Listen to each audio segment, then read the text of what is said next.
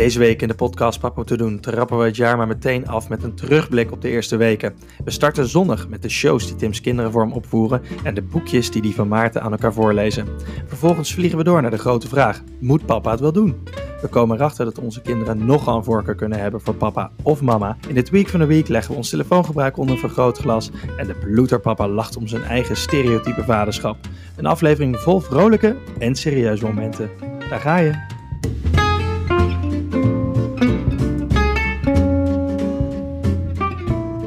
Hoi, hallo en welkom. Je luistert naar de podcast Papa Moeten Doen. De leukste podcast over de dingen die papa's doen. Met thuisblijfpapa Tim en thuiswerkpapa Maarten.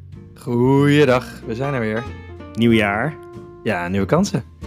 beetje laat. Mensen zullen gedacht hebben van, komen ze er weer? Maar ja, daar zijn ze gewoon. Ja, en eh, je, had, eh, je was natuurlijk bang dat we er niet meer zouden zijn. Maar eh, we zijn gewoon terug. We waren even op vakantie. Het moet ook gebeuren. En ehm, we, zijn, we zijn weer terug. het is En, ook wel lekker om dat jaar dan zo een beetje op je in te laten werken. Kijk, op het moment dat het 1 januari is, weet je nog niet wat het jaar je gaat brengen. Nu zitten we er, nou, goede drie weken in. Zit iedereen zo heigerig je nieuwjaar te wensen. Ook dat. Dus dat gaan we ook gewoon niet doen.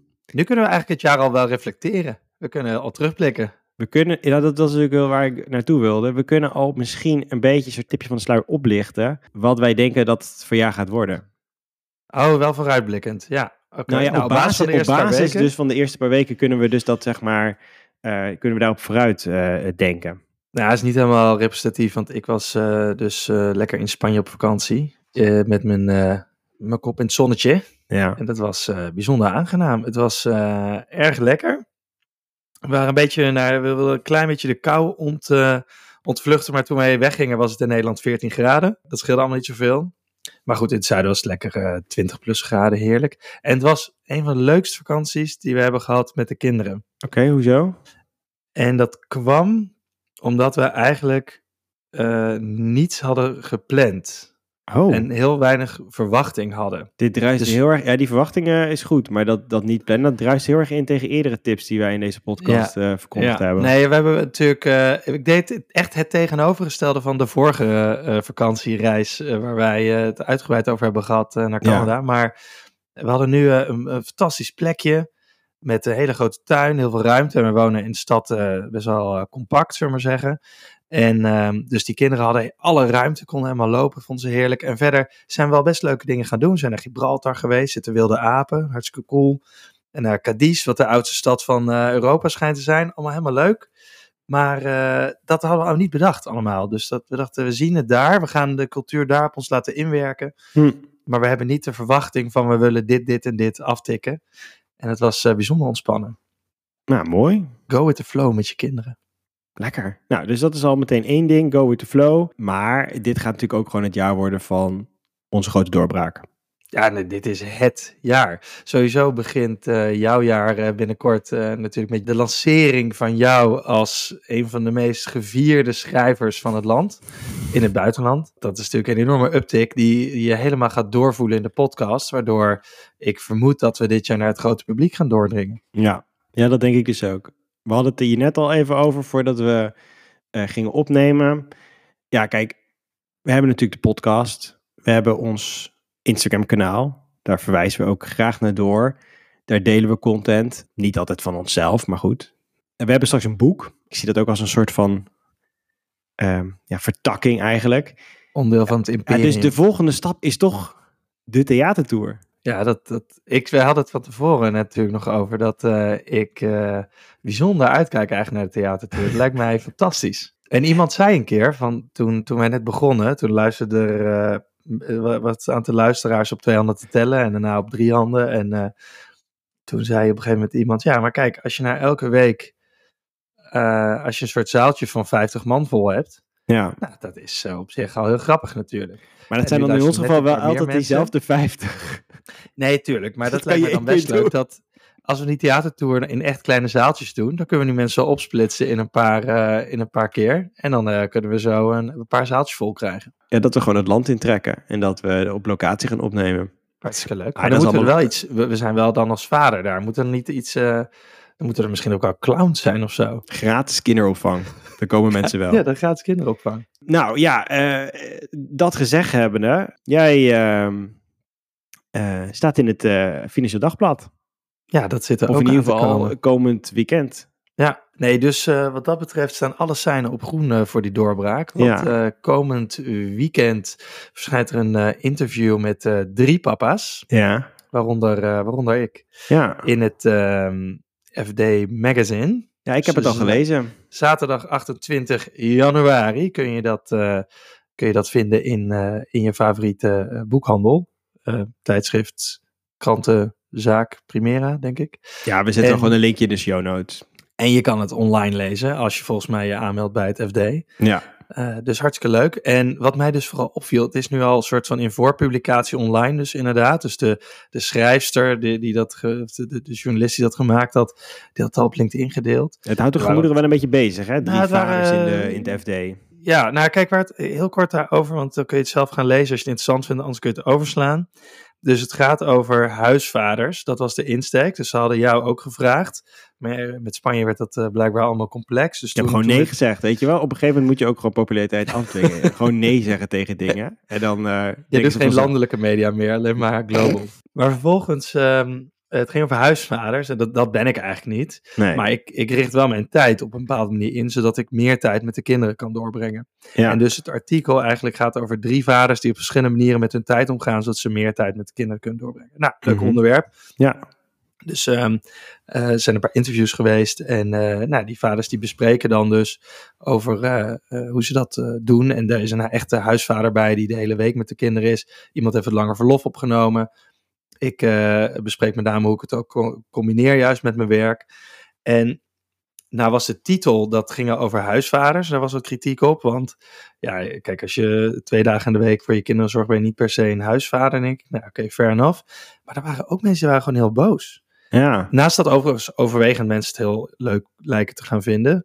Maar eh, er waren ook mensen heel boos die zeiden: ja, waarom moeten vaders nou weer op een, eh, op een podium om dan te vertellen over een soort gelijkheid? Dacht, Nou, ja, vooral maar- op een podium om vervolgens te koketteren met zaken waarvan moeders al lang en breed weten dat die moeten gebeuren. Nee, precies. Dus, dat dus dat is het inderdaad. Dus het is een soort podium met, met de kritiek van... ja, een moeder zou je hiervoor niet meer op het podium hijsen. Dat is gewoon Nee. wat moeders doen. En denk aan de ene kant, nou ja, fair kritiek... want eh, dat, ik denk dat je gelijk hebt. Alleen ja, hoe wil je ooit dat het verandert... als je niet inspireert met verhalen die eh, laten zien hoe het anders kan. Dus die kritiek vond ik dan wel weer heel snel genomen, zeg maar. Ja, nou zeker. En als je kijkt naar die portretten, dan zie je dat al die vaders op een heel vanzelfsprekende manier het over die zorgtaken hebben. Dus het is niet, dat zie je wel vaker van die artikelen die dan over vaders gaan, die dan wat in het huishouden doen. Van, oh kijk hem eens en van wat is hij goed en hij heeft een papadag en hij doet dit en hij doet dat.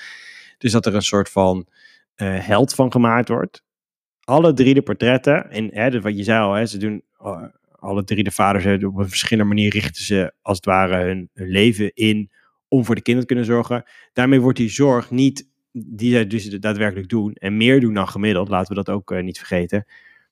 Dat wordt als heel vanzelfsprekend beschouwd. En dat vind ik heel sterk, want dan krijg je volgens mij ook een, een, een soort, ga je naar een soort nieuw rolmodel toe, waarin andere vaders kunnen denken, hé, hey, dit, die wordt, er wordt gewoon zeg maar op een hele normale, neutrale manier over die zorgtaken gesproken. In plaats van dat het weer is van, oh halleluja, eh, vader doet een keer wat. En dan was de kritiek denk ik wel terecht geweest. Dus dan had je kunnen zeggen, ja, waarom lopen zij koeien sier te maken met taken die moeders al decennia doen?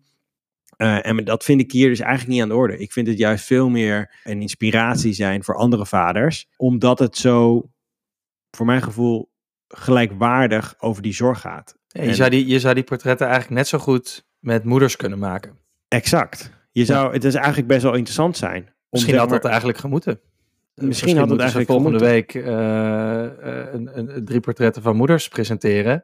Die eigenlijk hetzelfde laten zien, maar dan Ja. vanuit de andere, andere kant. Ja, maar vooral ook omdat de kritiek, en met name kritiek op moeders altijd is, ja, ze werken deeltijd en dat is niet goed, want dan zijn ze financieel afhankelijk van hun partner. En het is ook niet goed voor de arbeidsmarkt, want we hebben arbeidstekort, dus we moeten zorgen dat die mensen maar gaan werken.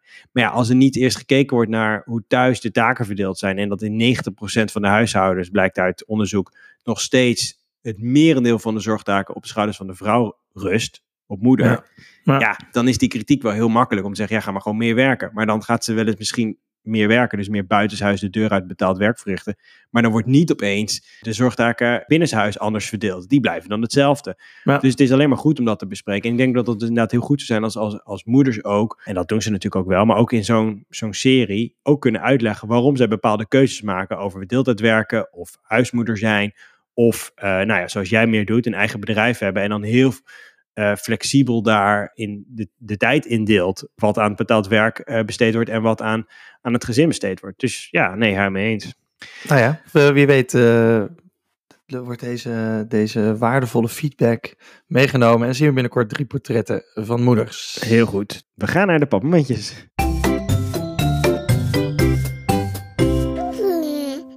Ja, en ik wilde eventjes iets met je delen. Want het is natuurlijk, eh, daar is het ook de plek voor, hè? Om gewoon even gewoon te kunnen zeggen wat, eh, wat er speelt. Ja, Eh, safe space, openhartig. Exact. En ik vind het dan ook fijn om dan van jou ook te horen hoe je daar dan over denkt. Ik zie ook dat je al huilt. Nee, nog niet. Dat Oh. is, nee, dat is, nee, dat is het licht. Dat is de zon die hier schijnt. Mijn kinderen zijn verjaard in december. Ja, gefeliciteerd nog. Dankjewel. Dus ik heb er nu een van drie en ik heb er een van vijf. Oké, is heel gek trouwens. nog. Om het even nog eh, over mijn boek te hebben. Hadden we het over mijn boek gehad. Ehm, ik moest natuurlijk een, eh, een bio aanleveren. Dus van hè, eh, Tim schrijft een boek en bla bla bla. En daar, dat heb ik al een hele tijd geleden moeten doen. Maar daar had ik al de leeftijd van mijn kinderen veranderd. En dat, dat voelt dan heel raar. Dus die, die Ah, waren toen ja. twee en vier. En die moest, dat had ik dan drie en vijf gemaakt. Op het moment dat het uitkomt, namelijk 14 februari. Dan, ja, dan is dat de leeftijd. Op die, die leeftijd is het ook nog echt een ding natuurlijk. Tegenwoordig moet ik zeggen dat ik soms moet nadenken over mijn eigen leeftijd. Ja, dat heb ik ook, ja. dat ja nu ook. Nee, Dat maar weet je wat? Dat ik het vergeet. bij als je zeg maar op een gegeven moment een bepaalde leeftijd gepasseerd bent, ik weet niet, weet niet wat het is, volgens mij 20 of zo, dan doen ze gewoon je jaartal. Want, Ja. want met een schrijver ja. is het leuk als die heel jong is. Dus als hij bijvoorbeeld 18 is, dan zet je er misschien 18 bij. Ja. Maar op een gegeven moment dan is het meer gewoon, oké, ja, hij is geboren in dat jaar. Nou, Weer een witte man in de dertig die een boek probeert te slijten. Nou, dankjewel. Dit is eh, even een omweg om vervolgens eh, te vertellen dat eh, ze dus nu, ik weet niet of het met de leeftijd per se te maken heeft, maar ze komt nu op een leeftijd, dat wilde ik eigenlijk, eh, daar wilde ik naartoe, dat ze het dus leuk vindt om bepaalde een, een performance te doen. Dus ze is niet meer gewoon met speelgoed aan het spelen. eh, eh, roleplay is ook nog wel aanwezig, maar dit gaat alweer een stap verder. Hier worden een soort van eigen producties eh, opgetuigd. Nou, ze het ook presenteren echt dus. Ja, nou, er wordt dus iets voorbereid. Ze noemt dat een show. Dus papa, ik ga een show maken. Er wordt vaak haar, haar broertje wordt daarbij betrokken, die daar niet altijd zin in heeft, maar toch een beetje de druk voelt om daar dan maar onderdeel van te zijn. En ja, dan, dan begint ze, beginnen ze eigenlijk gezamenlijk het speelgoed op een bepaalde manier neer te zetten. Vaak gewoon dingen bij elkaar te rubriceren of in een soort van kring. Eh, dat is dan, ik denk, het podium of in ieder geval de, de, de requisieten waarin het dan de show plaatsvindt. En dan op een gegeven moment zeggen ze, oké, we hebben een show gemaakt. En eh, de Is hij dan keer... ook echt eh, voorbereid? Nou, daar komt het op. Daar kom ik. ik. Dus dan denk ik, nou, dat is hartstikke leuk. Dus ik ga kijken. En dan kijken ze elkaar aan staan ze soort van tegenover elkaar. Of ze zitten soms op een stoeltje. Ja, dan spoort eigenlijk mijn dochter mijn zoon aan om dan te beginnen. Maar die heeft natuurlijk geen idee. Want ze hebben het helemaal niet geoefend. En er is ook helemaal niet een soort van plan aan vooraf gegaan. Dus die, die begint dan een beetje soort van... Ja, in een soort paniek begint hij te hinkelen of heel druk te doen. En dan zegt zij, nee, nee, zo moet het niet. En dan begint ze zelf met een soort yoga-achtige bewegingen... eh, ja, een beetje heen en weer te dansen. En ik merk dus dat ik er een beetje ongemakkelijk van word. Want aan de ene kant vind ik het heel leuk dat ze dat doen. Ik, ik vind het leuk dat ze zo expressief bezig zijn en dat ze zich uit en dat ze ook de vrijheid en de veiligheid voelen om dat te kunnen doen. Maar aan de andere kant is het ook wel een beetje, het werkt ook wel een beetje op de lachspieren.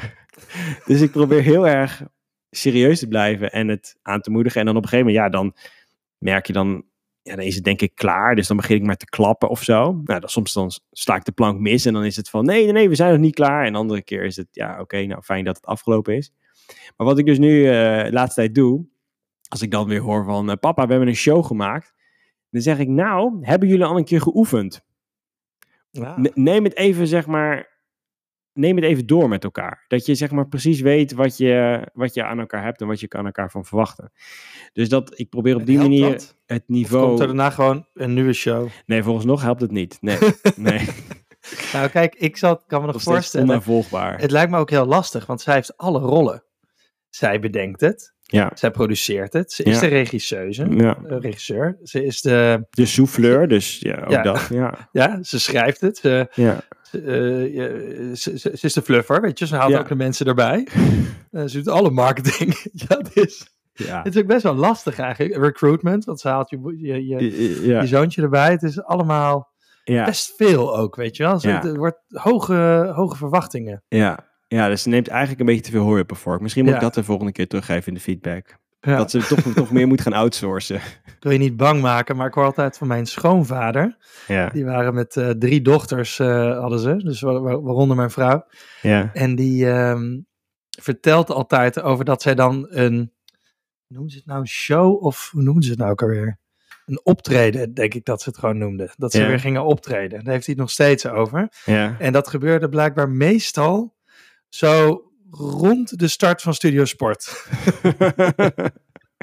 En dan stonden ze met z'n drieën voor de televisie. En dan op de achtergrond miste je precies alle wedstrijden. Ja, ja. Dat is wel zijn, zijn gehele herinnering van hun jeugd. Dus, eh, dus er komt nog wat. nou, dan heb ik het voordeel dat ik eh, niet van voetbal hou. Dus dat scheelt dan, eh, dat scheelt dan weer. Nou, wacht maar, staan ze gewoon je White Lotus te verpesten. oh ja, nee, dat moet ik niet hebben. Ik, eh, eh, ja, er is zoveel uit te kiezen als je een maand lang geen hebt hoeven doen. Ja. Dus eh, ik ga voor een moment wel tijdens onze vakantie. Mhm. En ehm, we hadden daar, overigens waren mijn kinderen daar ook continu bezig om het huis te versieren. En dan gingen ze een verjaardag vieren. Dus dan werd alles eigenlijk op tafel gezet wat ze maar konden vinden. Ja. En dat was dan de taart en het werd dan versierd. Dus blijkbaar... Maar ze waren dan- niet jarig. Nee, dat niet. En er werd ook geen show gegeven. Maar het was wel, het podium werd al neergezet eigenlijk. Dat is een beetje dus Nou, dit misschien is- de is de volgende fase dat ze ook de gaan show. optreden. Ja. Dus Ja. ze nog een jaartje ouder zijn, dan heb je ook shows. Ja. Deed, deed me aan denken. Maar goed, in diezelfde ruimte. eh, we hadden een aantal boekjes meegenomen en die waren we aan het lezen. En mijn dochtertje die kan nu net het woord lezen uitbrengen. Dus dan komt ze weer met een boekje aan en dan zegt ze lezen. En dan, eh, dan moeten we dat weer met haar lezen. En op een gegeven moment had ik denk ik alle boekjes zeven keer gelezen die dag. En toen zei ik, nou, weet je wat? Ik heb het wel even gezien. Maar ik doe, goed, ik doe het dan nog wel één keer. En toen ging ik het lezen, maar toen ging ik het expres een beetje anders lezen. Dus met, ik zei niet de goede dingen. Dus dit was een boekje volgens mij van eh, Monsters in de Bus. Een soort half Mhm. liedje, half boekje. En dan ging ik expres andere dingen noemen. Maar mijn zoontje was er ook bij. En ik had het boekje ook uit zijn hoofd. En die begon mij de hele tijd te verbeteren. Die zei de hele tijd, nee papa, dat zeggen ze niet. Dat moet je zo uitspreken. Of dat moet je, moet je zo zeggen. En toen zei ik, nou weet je wat? Doe het dan maar lekker zelf. Dus dan lees jij het maar eens voor. Maar hij kan natuurlijk hem niet lezen, maar hij kent het boekje wel. Dus ik gaf het boekje aan hem. Ging netjes op de grond zitten. Ging hij het boekje open. En dan ging hij, ging hij het gewoon voorlezen aan mijn dochtertje. Dus dat vond ik heel erg grappig. Eh, heeft hij gewoon het hele boekje gedaan. En mijn dochtertje ook eh, heel erg eh, bewust van dat hij dus het het voorlezen was. Ernaast aan het zitten. Zaten ze met z'n tweeën, zaten ze gewoon dat boekje te lezen. En toen aan het eind zei mijn zoontje... Nou papa, nu heb ik jou een poepie laten ruiken. Oké. Omdat ik dus zei, nou doe het dan maar zelf als je het beter kan. En toen had hij het eh, vervolgens, eh wilde hij wel even duidelijk maken dat dat, ehm, dat Ja, hij dat ook daadwerkelijk Beetje, beetje gedaan de smart ass Dat hij het uithangen beter kon. eigenlijk. Ja, even Ja. de smart uithangen. Wij gaan door.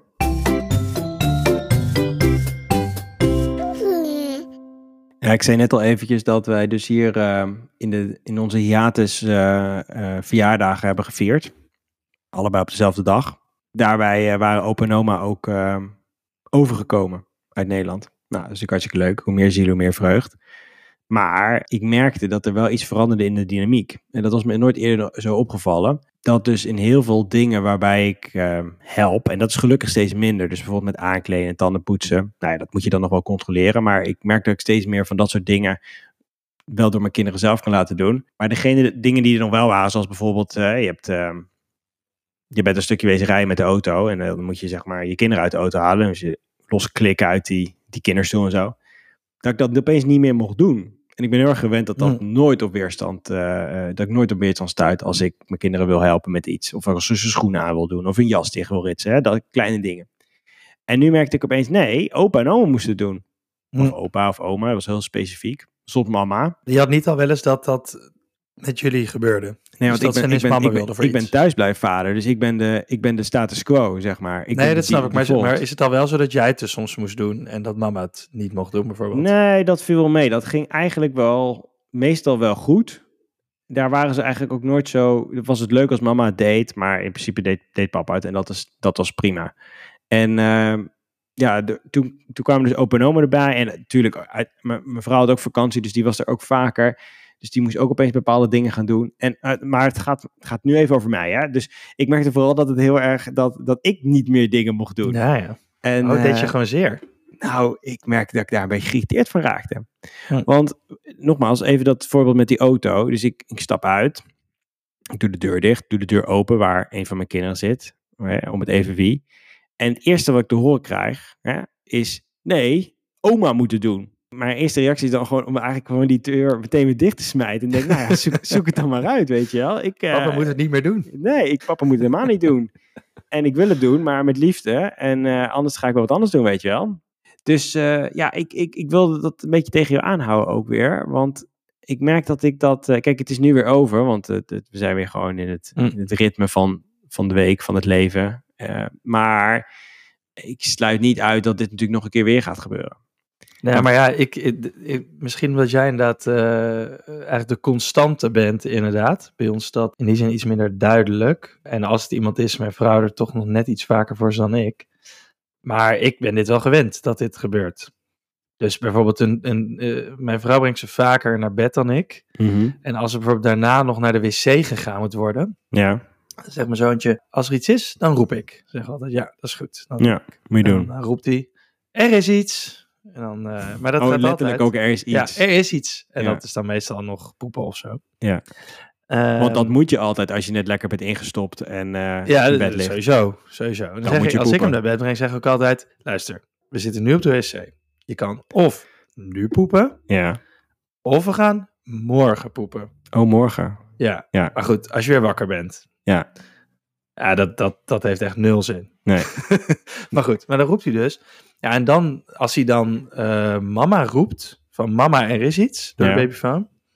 Ja, dan moet het ook echt mama zijn. Als ik dan opneem, zeg maar, met de babyfoon, of hoe Ja, heet ja. dat? Dan, Papa hier. papa, papa hier, ten voor. Ja, dat, dat wordt niet in dank afgenomen. Nee, en, nee. en, en dan heb ik dus ook inderdaad altijd meteen zoiets.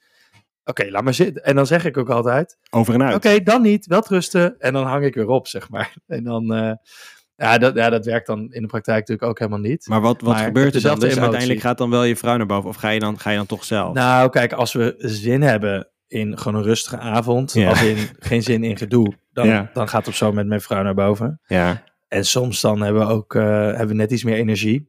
ja. Even En laten zien wie de dan, baas is. Nou, ja, dan, dan ga ik wel naar boven. Of, we- of we gaan niet. Dan zeggen we, ja, Ja, dan ja. niet, weet je wel. Dan is het ook gewoon... Maar ik herken het dus wel. Dus dit is iets, een heel specifiek voorbeeld, wat, wat geregeld terugkomt. Omdat dat een moment is dat heel gekoppeld is aan mama eigenlijk. Mhm. Maar het komt wel eens vaker voor. En dan zegt nee, jij niet. Dan zeg ik, nou oké, dan niet. Dan gaat het gewoon niet gebeuren. En dan, eh, ja, dan doen we het gewoon niet, weet je wel. Gewoon- Dan blijf je lekker zitten, zeg ik dan. Ja. Bijvoorbeeld in de auto. Ja, precies. En dan, dan uiteindelijk zitten. krabben ze er dan wel terug. Ja, ja, alleen soms gaat dat met heel veel stampij. En soms gaat Ja. het met minder stampij. Het is maar, gek, hè? eh, Want uiteindelijk... hoeveel zin heb je in, je in je dag, zeg maar? Omdat het best wel vaak over heel praktische zaken gaat. Kijk, als het bijvoorbeeld is over van... Ik wil niet met jou een boekje lezen of zo. Of, of weet je, meer iets wat zeg maar... Nou, iets wat, wat inderdaad de een of de ander echt beter kan. Ja. Dus misschien leest de een beter voor, of de een kan beter koken, of die schenkt beter de melk in, of Ja. zo, weet ik veel.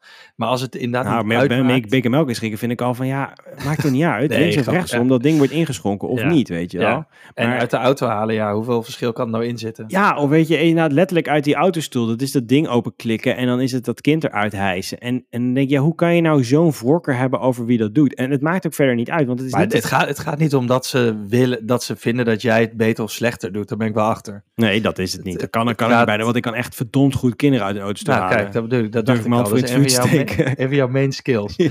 Nee, dat, dat is het ook, weet je wel. Dus het zit, het zit er gewoon in dat ze dan bedacht hebben, zo moet het nu gaan. Het is veel meer een macht of een, nou macht, maar meer een soort invloed uit willen oefenen op die situatie, voor mijn gevoel, dan dat het nou echt gaat om dat jij dat wel of niet mag doen. Maar hoe principieel moeten we daarin zijn als ouders? Moeten we dan zeggen van, nou ja, ehm, eh, kijk, soms is het niet anders. Hè? Dan is het van, ja, je kan wel zeggen, mama moet het doen. Maar als, als mama er niet is, ja, dan wordt het, dan wordt het Maar niet. ik heb één keer gehad dat mama er dus niet in diezelfde situatie die ik net omschreef. Mama was eh sporten of zo, volgens mij, ik weet niet. Ze was er, ze was er in ieder geval gewoon fysiek niet eh, in de buurt. Mhm.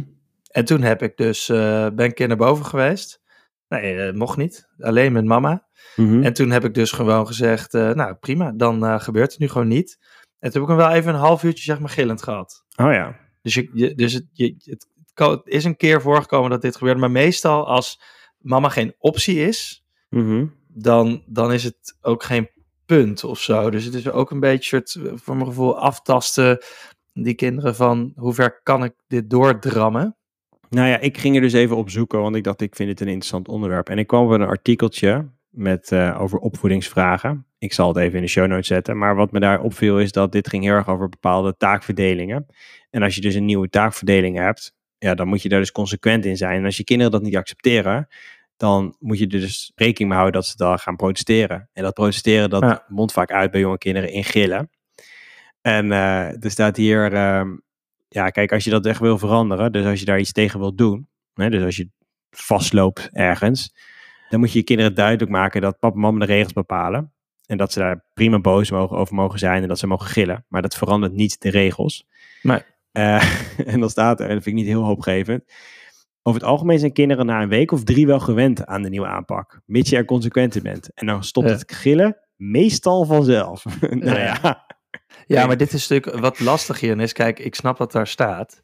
En de- volgens mij is dat waar. Dus wij hebben ook eens gezegd, als, eh, als zoiets een keer dan een beetje vorm kreeg, dat inderdaad de een of de ander echt iets helemaal niet meer mocht doen, dat we consequent het anders gingen doen. Weet je wel, dat we Ah, dat ja. proberen te doorbreken wel. Dus dat, dat is wel gebeurd en dat werkt dan ook wel. En daar moet je consistent zijn. Alleen in best veel gevallen, zeg bijvoorbeeld kinderen, kinderen uit de autostoel halen, is het volgens mij de consequentie, of het consequent zijn moet bijna zitten in dat het juist door allebei kan gebeuren. Ja, want dat is wat je wilt. Je Dat is wilt- wat je wil, ja, je wilt heel juist veel dat, dingen dat wil je allebei kunnen doen. Nee. is die dat altijd doet. Jij gaf net aan van ja, mijn vrouw brengt de kinderen naar bed. Wij doen dat heel vaak samen, omdat nou ja, twee kinderen, twee, twee kinderen douchen hier dan s'avonds en dan moeten ze afgedroogd worden en een pyjama aan en zo. En eh, even iemand eh, kleren voor de volgende dag neerleggen. Dus er zijn best wel wat taken die daar dan bij horen eh, omheen Ja, die je dan best even samen kan doen. Dus we doen het met z'n tweeën. Dus er is dan ook geen... Het enige wat er wel vaak gebeurt, is dat er dan één klaar is. En die wil dan alvast naar beneden. Dan mogen ze vaak nog eventjes eh, tv kijken. Mm. En eh, het was heel slecht om je kinderen vlak voor slaap gaan tv te laten kijken. Maar goed, zo doen wij het nou eenmaal. Don't judge. Ja, dat, dat is dan vaak eh, ook een, een uitgesproken iemand. Ja, ik wil een papa mee naar beneden of ik een mama mee naar beneden. ja. Terwijl we soms dan in de manier hoe we op dat moment opgesteld zijn, want het is een heel soort van dynamisch proces, dat dat niet de meest eh, gangbare persoon is. Dus dat eigenlijk papa op het punt zit om naar beneden te gaan en dan willen ze met mama of vice versa. Maar ja, dan kun je natuurlijk ook makkelijk, zou je als je eh, zin hebt eh, om het toe te staan, zeg maar, kun je waarschijnlijk dan ook makkelijk Ja, wisselen. maar ik merk heel vaak al in mijn vrouw, met mijn vrouw dat we dan een soort blik uitwisselen van, nou ja, vooruit dan maar, ga jij dan maar met haar naar, Ja. naar beneden of Ja. zo. En dan denk ik, ja, Maar je hoeft natuurlijk niet altijd de strijd aan te gaan. Nee, Het natuurlijk gaat er niet. volgens mij meer om dat Ja. als je merkt dat het een, een soort ergens, dat het erin begint te slijten of zo, weet je wel. Ja. Of dat soort continu een zin krijgen, daar zit meer het probleem. Dat je een keer zegt, oké, prima, weet je wat, dan Ja. ga ik toch met jou mee naar beneden. nee, tuurlijk. En dat eh, bij, kinderen, bij onze kinderen in ieder geval verandert ook echt, kan bijna per dag verschillen. Eh, Ja. En ook bijvoorbeeld na het weekend of zo merk je dat het, dat het weer even anders is. Maar het, Ja. het wordt natuurlijk heel vervelend dat je Ja. op een gegeven moment hebt dat alleen mama schoenen mag aandoen. Ja, dat kan, dat Ja. kan op een gegeven moment niet, weet je wel. Nee. Dus dan moet je dan denk ik wel op een gegeven moment zeggen van oké, we gaan dit doorbreken, we gaan het aanpakken. Benny van Vriend van de Show hier, met een boodschap van algemeen nut. Deze podcast wordt met veel liefde, plezier en eigen geld gemaakt. Wil je de maker steunen? Ga naar vriendvandeshow.nl en word vriend. Wij hebben trouwens een eh, klein zijspoortje met die, eh, eh, dat televisie kijken. We hebben, we dus toen we op vakantie waren in het vliegtuig. Ja, daar zijn alle regels weg, weet je wel. Dan is het gewoon, eh hier is de Overleven. iPad ook. Als in, eh, dat, dat, daar ben ik niet zo ingewikkeld over. Want ik wil vooral ook gewoon dat eh fijne vlucht is voor eh, al die mensen. Mhm. Maar daar hadden we gewoon, er stond de televisie, hebben we gewoon niet aangezet. Of in ieder geval niet waar zij bij waren. Dus we hebben, eh, de eerste dag vroeg mijn zoontje volgens mij, mag ik iets kijken? Ze hebben, nou, televisie, eh, weet ik veel, weet niet is werkt kapot.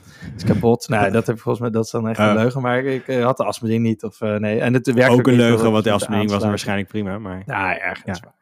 En vervolgens hebben Ja. we er niet meer over gevraagd. Nee. En wij hadden best wel een soort inderdaad vast momentje, vaak 's ochtends bijvoorbeeld, dat, je, dat ze even tien minuutjes net FTV keken, als wij dan even dingen klaarmaakten en Ja. zo.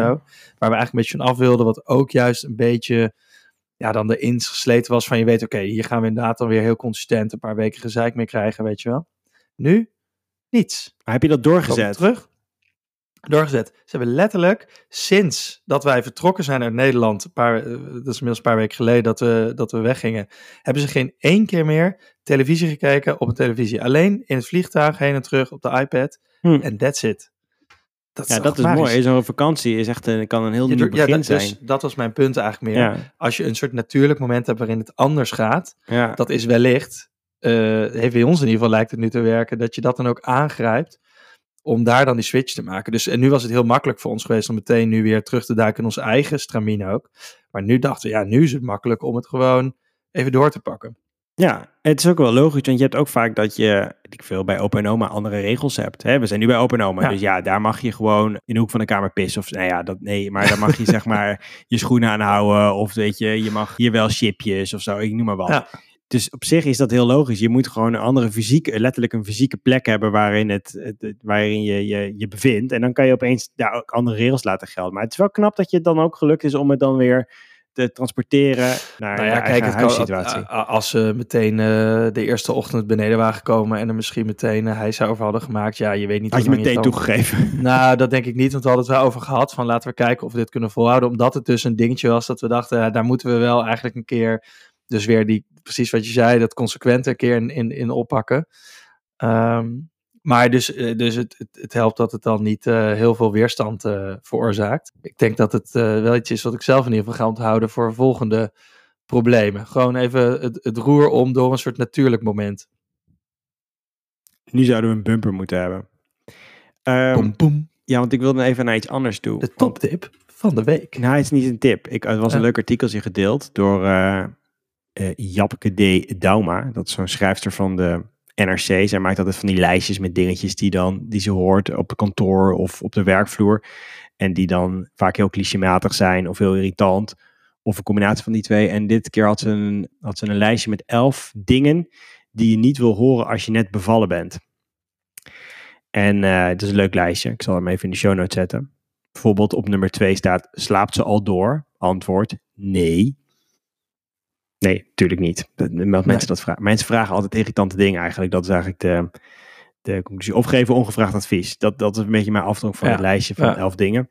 Wat ik Dus- overigens leuk vond, was dat het eigenlijk eh, grotendeels, eh, als je net bevallen bent, wel voor zowel papa of mama is.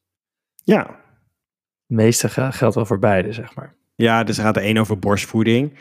Dat Ja. is eh, eigenlijk de eerste. Maar eh, andere dingen gaan bijvoorbeeld over dat mensen dan zeggen: Oh ja, ik vond de eerste vier maanden een eitje.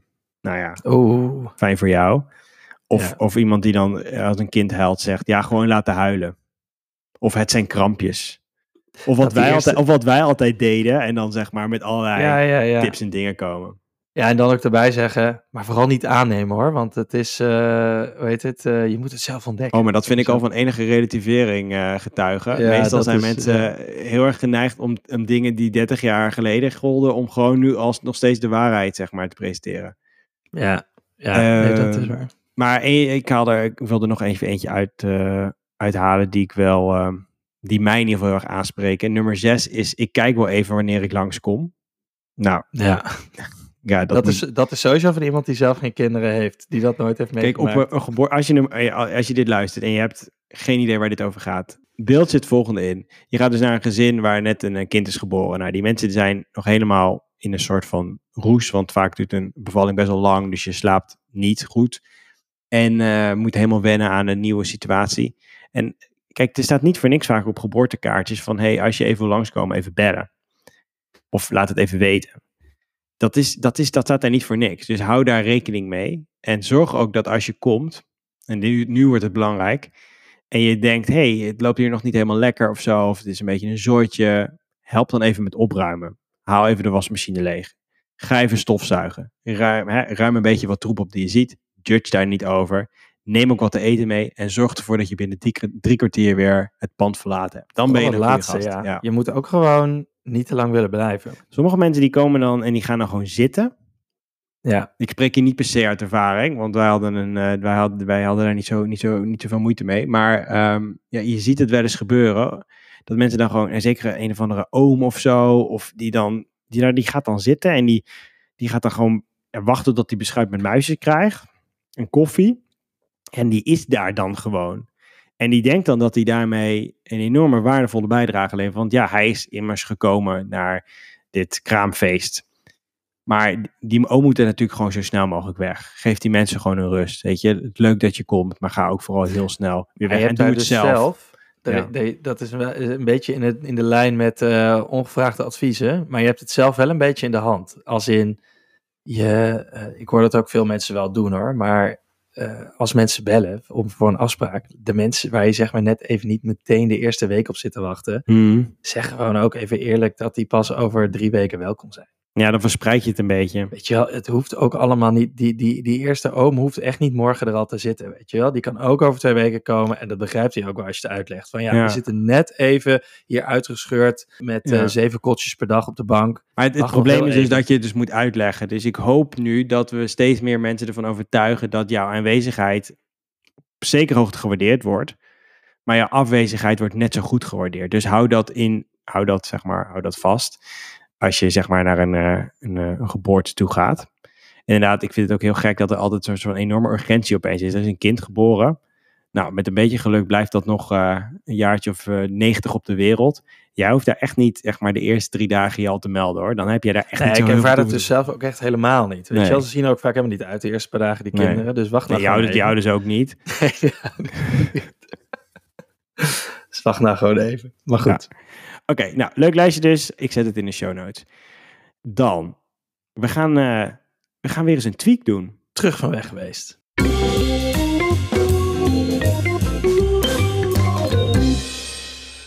Ik vind eigenlijk dat wij deze week al bijzonder veel ongevraagde tips en adviezen ook hebben gegeven. Het, het meer, meer dan normaal. Oh, Dus eh, deze is nog extra. Volgende, in de volgende aflevering geven we nul adviezen. maar onze tips zijn niet heel dwingend, hè? En advies. Nee, het zijn meer, het zijn overwegingen, dingen die je... het eh, zijn eigenlijk ervaringen waar we een disclaimer bij zetten dat ze waarschijnlijk de volgende keer niet meer werken. Ja, en Misschien eh, herken je jezelf erin. maar ook dat als het voor jou anders is, dat het ook fijn is, weet je wel. Ik bedoel, eh, hallo. eh, Graag zelfs. ik, ik doe dit ook voor de eerste keer, hè. Het is niet dat ik dit zeg maar eh Oh, vaak oh, gedaan heb. tweede ronde, jongen. Ja, maar ik heb voor, ja, voor de eerste keer een tweede kind. Ja, Ja, dat is waar. goed. eh tweak van de week. Want in, eh, in onze afwezigheid is er gewoon een hoop gebeurd. Weet je? Laten we gewoon eerlijk zijn. Een van de dingen die de Volkskrant, ook een, eh, een leuke krant, heeft gepubliceerd, is de telefoonbattle. Ik ga zo uitleggen wat dat is. Ze hadden al een paar jaar geleden de huishoudbattle. Daar hebben we het ook wel eens over gehad in deze podcast. Dat is Daar kwamen wij toch wel heel medium uit, herinner ik me nog. Ja, ik zou even terug moeten luisteren voor de details, maar het- we kwamen niet ongeschonden uit de race. Nee, zoveel is duidelijk. Maar het was eigenlijk gewoon een soort ja-nee vraag over wie wat in huis deed. En dan kon je zeg maar zien hoe- hoeveel jij doet ten opzichte van je partner. Heel confronterend soms. Ook heel nuttig, als je daar dan vervolgens mee aan de slag gaat. En nu is er dus de telefoonbattle. En de telefoonbattle, die doet een beetje wat je zou verwachten. Het is een vragenlijst die je een score geeft over hoe afhankelijk jij van je telefoon bent. En misschien heb je al een beetje vermoeden van, hé, hey, ja, ik kijk al veel op mijn telefoon. Of ik, nou, daar heb ik eigenlijk helemaal niet zo'n probleem mee, want ik heb een hele oude Nokia of zo. Desalniettemin denk ik dat het voor veel ouders, hè, dat is toch een beetje onze doelgroep, en vaders in het bijzonder, helemaal geen kwaad komt om dat eens een keer in te vullen. Nou, plus dat, als je kijkt Ja. dat het artikel wat verbonden is aan die eh, telefoonbattle, daar staat in dat zes op de tien jongeren zich regelmatig ergert aan het telefoongebruik van hun ouders. Kijk aan. Dus het is ook nog zo dat als je kinderen iets ouder worden, dan zullen ze waarschijnlijk zich daadwerkelijk ook wel gaan ze iets vinden van jouw eigen telefoongebruik. Net zoals dat het andersom zo is. Ja, dat is, dat is zo. En ehm, dat is iets wat we ons denk ik heel goed moeten realiseren. Dat wij nu eh, een soort voorbeeld, nee, niet een soort, het voorbeeld zijn voor hoe kinderen met een telefoon omgaan. En als wij continu op onze telefoon zitten, kan je dus ook niet straks verwachten dat je kinderen dat niet gaan doen zodra ze telefoon hebben. Ik ben heel blij dat mijn kinderen nog te jong zijn voor een telefoon. Maar er gaat natuurlijk een moment komen dat... ehm, Kijk, en het is ook een heel ander ding. Dus het is ook niet, het is niet goed of fout. Dit gaat om inzicht, Maarten. Dit is een, Ja, een, een battle voor inzicht. Oké, En om niet eh, flauw te doen, hebben wij het ook allebei even ingevuld. zeker. Dus ik dacht, we gaan gewoon even met de billen bloot. Je kan eh, eigenlijk, eh, Ik kwam daar een stuk slechter uit dan jij. ja, kwamen we wel achter. je krijgt jij een deed score. ook wel verrassend goed. Dat, dat, dat verbaast mij. Ja, mijzelf ook wel. Maar je, je krijgt dus een score die is, eh, dat is gewoon een nul, ja, van 0 tot 100 procent. En dan kom ik dus op 28%. Ik ben dus 28% afhankelijk van mijn telefoon. En ik kwam op 50 procent. Dat is aanzienlijk en, meer. En ik zag om een klein beetje, een kleine spoiler, aan het eind krijg Ja. je gezien, te zien wat het gemiddelde is oh ja, onder het Volkskrant publiek. ja, En dat was 40 procent. 40%. Dus dat Dus viel ja, mij überhaupt heel erg mee. Ik denk als je dat onder, een, eh, onder verschillende doelgroepen zou uitvragen, dat je wel toch heel verschillende reacties gaat krijgen. maar afhankelijk is dus, zoals ik het dan lees, zegt dan dus van als je 100% afhankelijk bent van je telefoon, dan kan je eigenlijk niet functioneren zonder je telefoon. Dus Ja, en Wat je dus ook al, doet, wie je ook ik ben bent. dus al half verloren. jij bent al voor een, ja, de helft van jou is als het ware gewoon Ja. onlosmakelijk verbonden met je telefoon. Eén oog is eigenlijk een scherm. Is maar goed dat Jij je nog wel eens ernaar? hebt, is laten het lezen gewoon- recent. Ja, oké. Ja, ik had ja, zo'n scherm in je oog lezen. Ja. Maar ehm, eh, er komen ook ehm, soort indirect adviezen uit wat je dan kan doen. Want wat mij dus opviel als je die vragen beantwoordt, is dat je krijgt dus ehm, punten en aftrekpunten als je bepaalde dingen wel of niet doet. Dus je telefoon mee naar bed of als je zeg maar eh, met, eh, aan tafel altijd met je telefoon zit. Het is gewoon goed om daar eens even bij voor jezelf bij stil te staan. Ook te, dan te bedenken wat je daar dan nou eigenlijk mee wilt. Nogmaals, dit is niet een soort goed of fout. Maar het geeft wel te denken als het dan eh, nou, in de buurt van de 50% komt. Ja. Of je niet Ja, ja. zeg maar, bepaalde dingen moet gaan veranderen.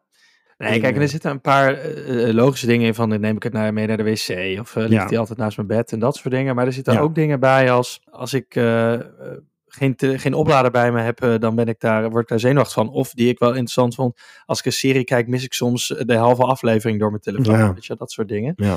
Dus het is, eh, ja, dat dacht ik, ja, oh ja, dat is ook zo. Misschien, eh, misschien Ja. moet het eigenlijk ook wel. Maar ja, dat, ja, wat zegt dat dan of zo? Dat kan ook zijn dat die serie gewoon heel slecht is.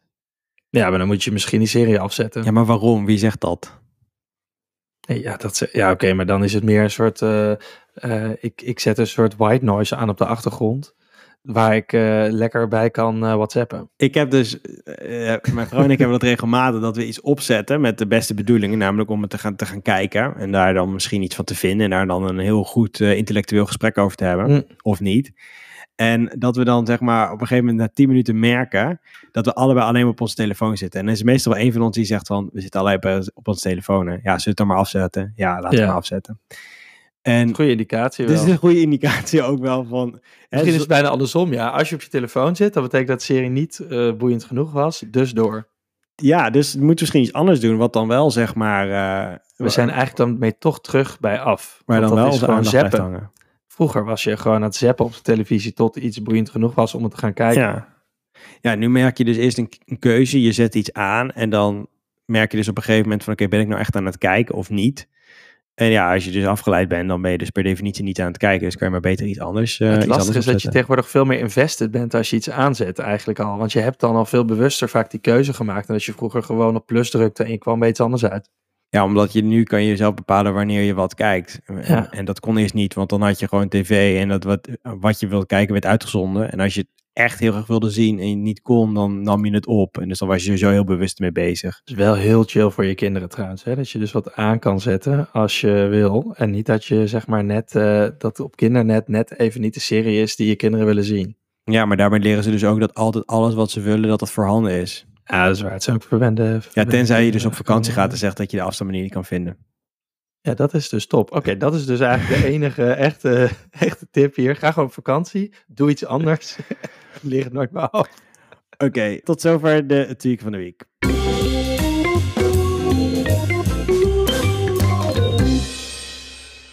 Ja, we hadden eigenlijk afgesproken dat we de, de jingles nog maar één keer zouden doen. Dus ik zit te denken of we niet gewoon nu dan de, nou meteen naar de ploeterpap moeten. Dus we sluiten de Ja, dat was beter geweest. Ja, dus we gaan even denken. Ehm zover de tweak van de week. Wij gaan door naar de ploeterpapa.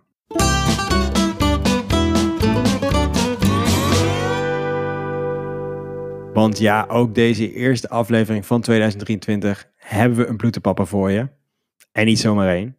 We hebben een, eh, een comedian. Overigens wel vaker in de ploeterpapa. Comedians zijn altijd heel eh komieken in goed Nederlands. Het is altijd heel goed om een, om een vinger op de zere plek te leggen. Vind je ook niet? Dus dat is zeg Een maar iets, beetje hun werk ook, hè? door iets uit te Er zit vergroten. humor. Ja, met humor dingen bespreekbaar maken. Zouden wij ons zo kunnen leren. Ja, ja dat zou mooi zijn. Laten we gewoon even gaan luisteren. Het is eh, Nate Boardcase. En ehm, het is in het Engels, dus even, even Ik ken concentreren. hem dus echt helemaal niet. Maar misschien val ik heel erg door de mand daarmee. Nee, ik ook niet. Maar het is, eh, hij heeft een show op Netflix. En eh, Nate die heeft ehm, iets te zeggen over de bellijsten van scholen. Dus wie je als het ware belt wanneer er iets met je kind aan de hand is. Papa of mama. Nou, komt ie. At the end of the school day, someone from the school called my cell phone. They have my wife's cell phone, they have my cell phone. They called my cell phone, and the te- she said, Hey, do you know what bus number your daughter's supposed to be on? And I said, I'm her dad. As in, are you crazy? Like, I was like, This is how you thought you would get this information? Was to call the dad? You saw a mom and dad's cell phone. You go, I bet the dad knows. I was like, Do you have parents? Have you ever seen a family before? You thought let's call the husband? Unless there's two husbands, you should never call a husband a day in your life. I would rather you ask a lady that doesn't know her. I think she could get to the bottom of it quicker than I can. I had to go get her. I go, all right, I'll come get her. What's? Tell me the name of the school, and I'll come get her. What? Where does she go? Ja, kijk, wij lachen hierom. Maar het is natuurlijk eigenlijk diep triest.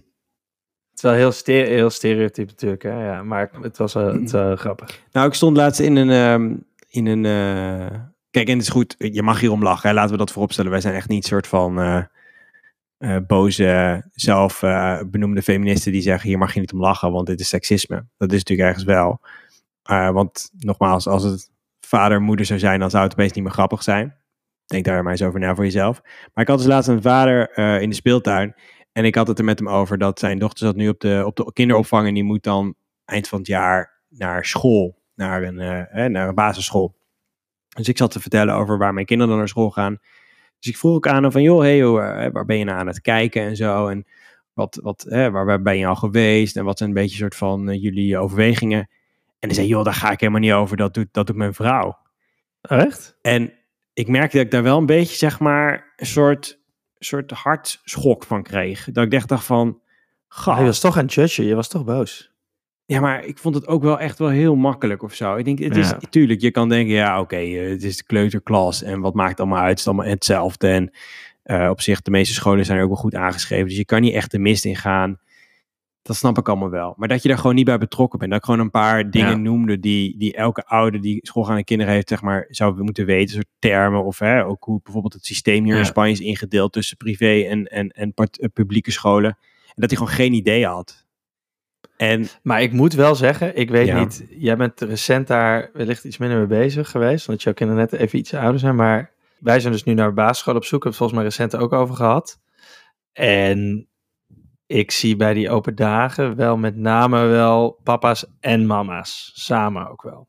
Als in, Ja. ik heb op basis van mijn eh, soort NIS eh drie rondleidingen, ja, heb ik wel de indruk dat het een gezamenlijk iets is. Dit specifiek. ja. Ja, Maar ik denk dat je overwegend dat die, eh, die, die, die eh, comedian, dat hij overwegend gelijk heeft. Dat als je ehm, vanuit de kinderopvang iemand moet bereiken die de informatie heeft. En je moet een soort van gokje wagen. Dan maak je het meeste kans nog steeds bij de moeder. En dat is eigenlijk wel heel verdrietig. Ja, dat is, ik, kijk, ik zeg nu ook niet dat die vader nou slechte vader is, want hij stond er toch met zijn dochter in de speeltuin. Maar het is gewoon gek dat je gewoon bij dat soort dingen over je kind dan, dat je dan dat in zich heel uitbesteedt. En dat je daarmee dus ook de afhankelijkheid van die moeder ook dus heel groot maakt. Ja, haar En we dus laten gewoon kunnen zeggen, als het dan verpest, als de kinderen dan verpest zijn, dat hij dan kan zeggen, hey, maar jij hebt de basisschool uitgezocht. Ja. Ja, dat, dat ook nog. Misschien dat als het inderdaad niet goed uitpakt, dat hij dan, dan dan heb je wel duidelijk een soort, soort zondebok. Misschien boeit het hem ook niet. Want dat, dat kan natuurlijk ook nog, hè, dat, dat je echt denkt van het maakt mij niet uit of zo. Of ja, laat haar dat maar kiezen, want zij heeft daar meer mening over. Dat, dat, misschien dat dat nog zou kunnen. Hè, dus er is, het, het is niet per se slecht. Alleen het geeft gewoon te denken dat ik, ik merk dat ik dus in mijn naïviteit misschien wel veel meer het gevoel had dat ik met hem daar een gesprek over kan hebben. En hij eigenlijk meteen afkapte. Nee, sorry, maar daar weet ik echt niks van. Terwijl ja, hij zat daar met zijn dochter van twee. Denk ja, als Waar heb je het daarna met hem over gehad? Bier. Nee, het was best een leuk gesprek. Het was een Engelsman en hij vertelde me dat hij eh, sinds hij kinderen heeft echt enorm was afgevallen. Dat hij ervoor altijd in de kroeg zat, tot s'avonds laat en eigenlijk niet zoveel doel in zijn leven had. En dat hij juist doordat hij nu, nu die vader was geworden, dat hij veel meer merkte dat hij eh, zin had om op te staan en eh, nou ja, anders tegen het leven aan was gaan kijken. Oh, maar dit was helemaal geen stom meneer eigenlijk. Nee, hij zou zich alleen beter moeten verdiepen in de schoolkeuze van zijn kinderen. Maar voor de rest was het al een toffe peer, ja. hey, ehm, wij zijn Met klaar deze vingerwijzing Ja? ja? ronden wij eh, deze eerste aflevering van het nieuwe jaar af. En eh, wij gaan ons best doen om eh, weer enige consistentie ook aan te brengen in eh, de afleveringen, toch? Dus we maken gewoon toch een hele harde commitment hier gewoon op om de twee weken. elke twee weken, Ja, om de week, om de week. op woensdag, eh, hoor je ons eh, weer terug in je podcast-app. Het is ook gewoon de plek waar je gewoon weer even naar terug kan komen. Om weer even maar, voeten, voeten op de grond, weet je wel. Even weer, Ja. even weer aarde. Lekker dat je heel even weer kan horen dat je niet de enige bent met diezelfde Nee. problematiek. Dat het allemaal niet zo erg is. Het komt allemaal goed. Weet Ja, je wel. en wil je nou kinderen gewoon- gillen ook. Ja. Het is allemaal prima. Ja, en wij zijn ook niet perfect. Ook al denk je dat misschien soms. Ik denk dat... eh, Ik denk echt helemaal niemand. Nee, die feedback hebben we nog nooit gehad. Gek is dat. Nee. Als je nou denkt, hey, ik heb wel dingen die ik misschien eh, ook even in wil brengen. Dat je denkt, hey, dit, dit- hier loop ik tegenaan. Of hier, heb- hè, dat heb ik wel eens meegemaakt. Of eh, misschien heb jij een leuk papmomentje wat je wilt delen. Dat kan. Je kan gewoon een voiceberichtje sturen naar ons. En als je nou niet weet hoe dat moet, stuur dan even een berichtje op Instagram. Het pap moeten doen. Dan eh, helpen we je erbij. Of je wilt misschien niet iets delen, maar één als tekst. Of zeg maar gesproken, maar alleen maar als tekst. Dat is ook goed. Dus eh, weet ons daar te vinden. Eh, daarnaast, eh, mocht je dit nou een leuke podcast vinden, laat het nog eventjes weten via Spotify. Dan kan je sterretjes geven. Of op Apple Podcast, reviewtje achterlaten met wat feedback of dingetjes of positieve dingen. Hartstikke leuk. En ben je nou helemaal idolaat, dan hebben we nog het Vriend van de Show pakket. Voor een kleine 2,50 per maand kan je je abonneren. Word je eigenlijk donateur van deze podcast. En daarmee eh, maak je al dit, dit werk mogelijk. Want eh, ja, laten we eerlijk zijn, voor niets gaat de zon op. Dus alle kleine beetjes zijn welkom. Kunnen wij een kop koffie drinken. Hebben we net weer even meer energie om hier eh uur tegen elkaar te gaan zitten praten. Ja, dat gezegd hebben we. Leuk dat je weer geluisterd hebt. Tot volgende week. nee, la- ik laat je dit gewoon even heel energiek afmaken. Dag.